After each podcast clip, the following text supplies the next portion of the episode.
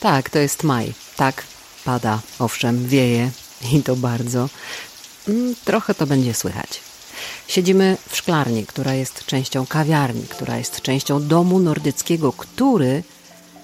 No, ale najważniejsze jest to, że tak, to jest Reykjavik. I tak, tutaj chodzi o poezję. I tak, niekoniecznie łatwą poezję, ale ciekawą poezję, taką użytkową poezję. Bo w Reykjaviku robią innymi burdele poetyckie. No i tu wiadomo, że sztuka to sprawa ciała, emocji oraz to jest dobro państwowe. Poezja również. Taka twórczość kulturalna, artystyczna była tym sposobem też na przetrwanie, takie e, emocjonalne przetrwanie. A tak właśnie powiedziała mi osoba, która zna się na rzeczy bardzo dobrze, Ewa Marcinek, pisarka, poetka, do niedawna kierowniczka i koordynatorka projektów w Reykjavik Ensemble, międzynarodowej grupie teatralnej.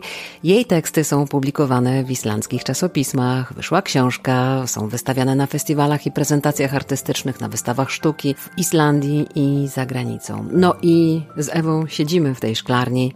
Dzień deszczowy, podobne do innych dni ostatnio, podobno. Więc w tych okolicznościach nie tylko przyrody mam śmiałość pytać tylko o te ważne, życiowe sprawy.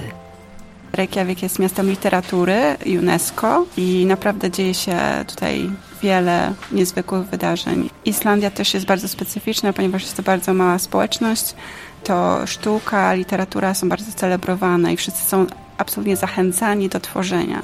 Także jeśli spojrzeć na populację tutaj, to co piąta osoba prawdopodobnie napisała albo wydała książkę, czy co dziesiąta. Czasami się śmiejemy ze znajomymi, czy tu jest jakieś inne DNA, jakby dlaczego ludzie mieliby być tu bardziej twórczy niż gdziekolwiek indziej. Ale to nie chodzi o nic takiego niezwykłego, po prostu chodzi o, o ten stosunek do tego, kto może być twórcą, do tego zachęcania ludzi do tworzenia i pisania. Islandia była um, zawsze bardzo biednym krajem, oderwanym od innych krajów, od Europy. Ciężką historią, jeśli chodzi o te warunki naturalne. Po prostu taka twórczość kulturalna, artystyczna była tym sposobem też na przetrwanie, takie e, emocjonalne przetrwanie. A wiadomo, że najłatwiej się albo tworzy muzykę, albo pisze, bo nie potrzeba do tego zbyt wielu narzędzi, więc e, ta literatura jest tu ogromnie ważna. Czy ona rzeczywiście jest w użyciu? Czy czyta się? Czy to czytelnictwo jest relatywnie duże? E, jest e, bardzo duże czytelnictwo. Dzieci są od e, małego wieku zachęcane, jest obowiązkowe czytanie w domu. O ile dzieci nie mają zadawanych prac domowych, co jest zupełnie inaczej niż w Polsce, jest obowiązkowe czytanie codziennie i rodzice są odpowiedzialni za to, żeby dzieci czytały i muszą wypełnić, podpisać taki zeszyt, w którym że dziecko czytało tego dnia. Także jest tu bardzo duże czytelnictwo i ogromne zainteresowanie literaturą na tak małe społeczeństwo, bo około tylko 350 tysięcy e, mieszkańców. A ciebie co inspiruje? Przestrzeń chyba najbardziej, czas. Jak mieszkałam w Polsce, to mimo, że studiowałam kreatywne pisanie na Uniwersytecie Wrocławskim i gdzieś tam próbowałam poruszać w tych kręgach literackich czy wśród e, wydarzeń literackich, czułam się bardzo samotna w tym i nie czułam za wiele wsparcia i czułam, że jest może duża konkurencja, że jakby taki młody głos znikąd nie za bardzo może ma się jak przebić. No nie wiem, ja nie, nie czułam się za bardzo odważna z tym moim pisaniem. Natomiast po przyjeździe tutaj zaczęłam brać udział w różnych warsztatach i spotkaniach i po półtora roku ja już czytałam regularnie na eventach literackich i pisarze lokalni interesowali się moim pisaniem. Jeden z najlepszych pisarzy islandzkich według mnie, Sion, osobiście był zainteresowany tym, co tworzę i ta mała społeczność daje ogromne wsparcie, ponieważ nie wiem, jak to powiedzieć, łatwo zginąć w tłumie w dużych miastach. Natomiast tutaj jest tak mała społeczność i może przez to, że to jest wyspa, też jest oderwanie od innych krajów, więc oni bardzo patrzą na to, co tu się dzieje. Powiedz mi o bordelu poetyckim, co to było, bo brzmi naprawdę super. To była taka niesamowita inicjatywa. To jest generalnie taki trend, który um, jest w wielu miejscach na świecie. Organizowane są burdele poetyckie. To trochę nawiązuje do tej takiej stylistyki kabaretu, bruleski, takiej po prostu zabawy, trochę takiej klubowej, ekscentrycznej, erotycznej ale to jest tylko taka forma na zorganizowanie eventów poetyckich, po prostu e, może troszeczkę bardziej atrakcyjna, ponieważ na taki burdel poetycki zbierają się oczywiście pisarze, poeci, natomiast uczestnicy przychodzą i oprócz takiego głównego programu koncertowo, jakiegoś występowego, każdy uczestnik może zapłacić poecie za prywatne czytanie, za prywatną sesję. Wtedy poeci występują w roli tych prostytutek, natomiast słuchający jest e, tym klientem płacącym i kiedy klient prosi cię o prywatne czytanie, płacić takimi tokenami, które nabywa w kasie przy wejściu, odchodzicie troszeczkę na bok i w jakiejś prywatnej sali.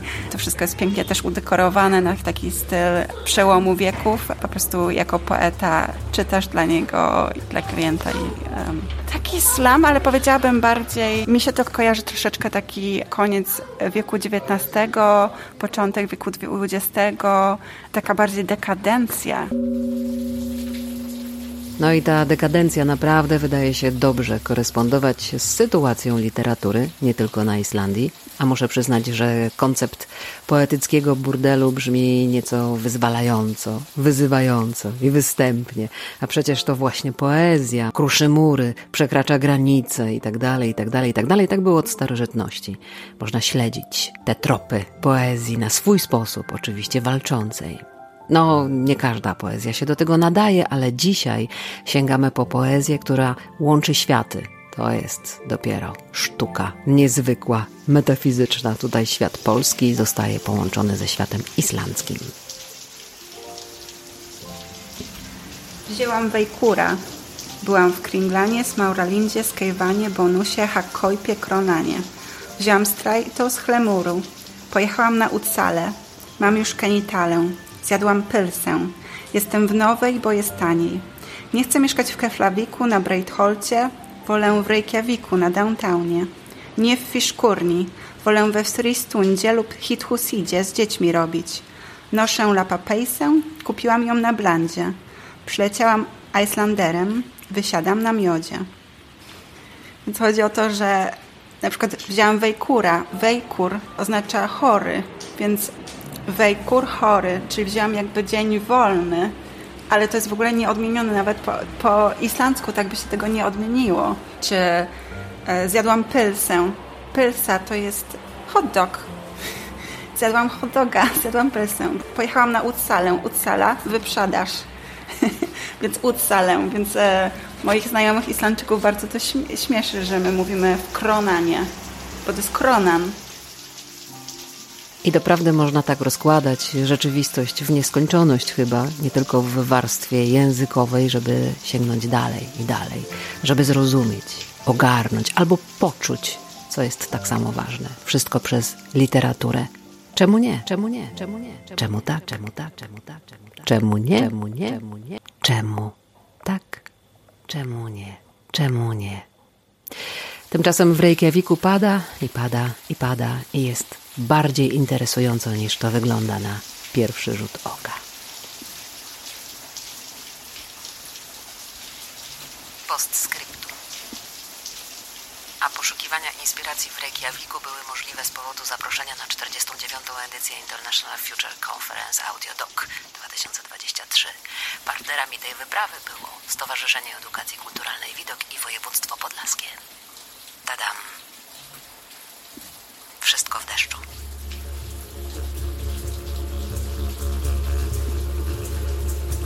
I przy okazji jest naprawdę bardziej interesująco niż to wygląda na pierwszy rzut oka.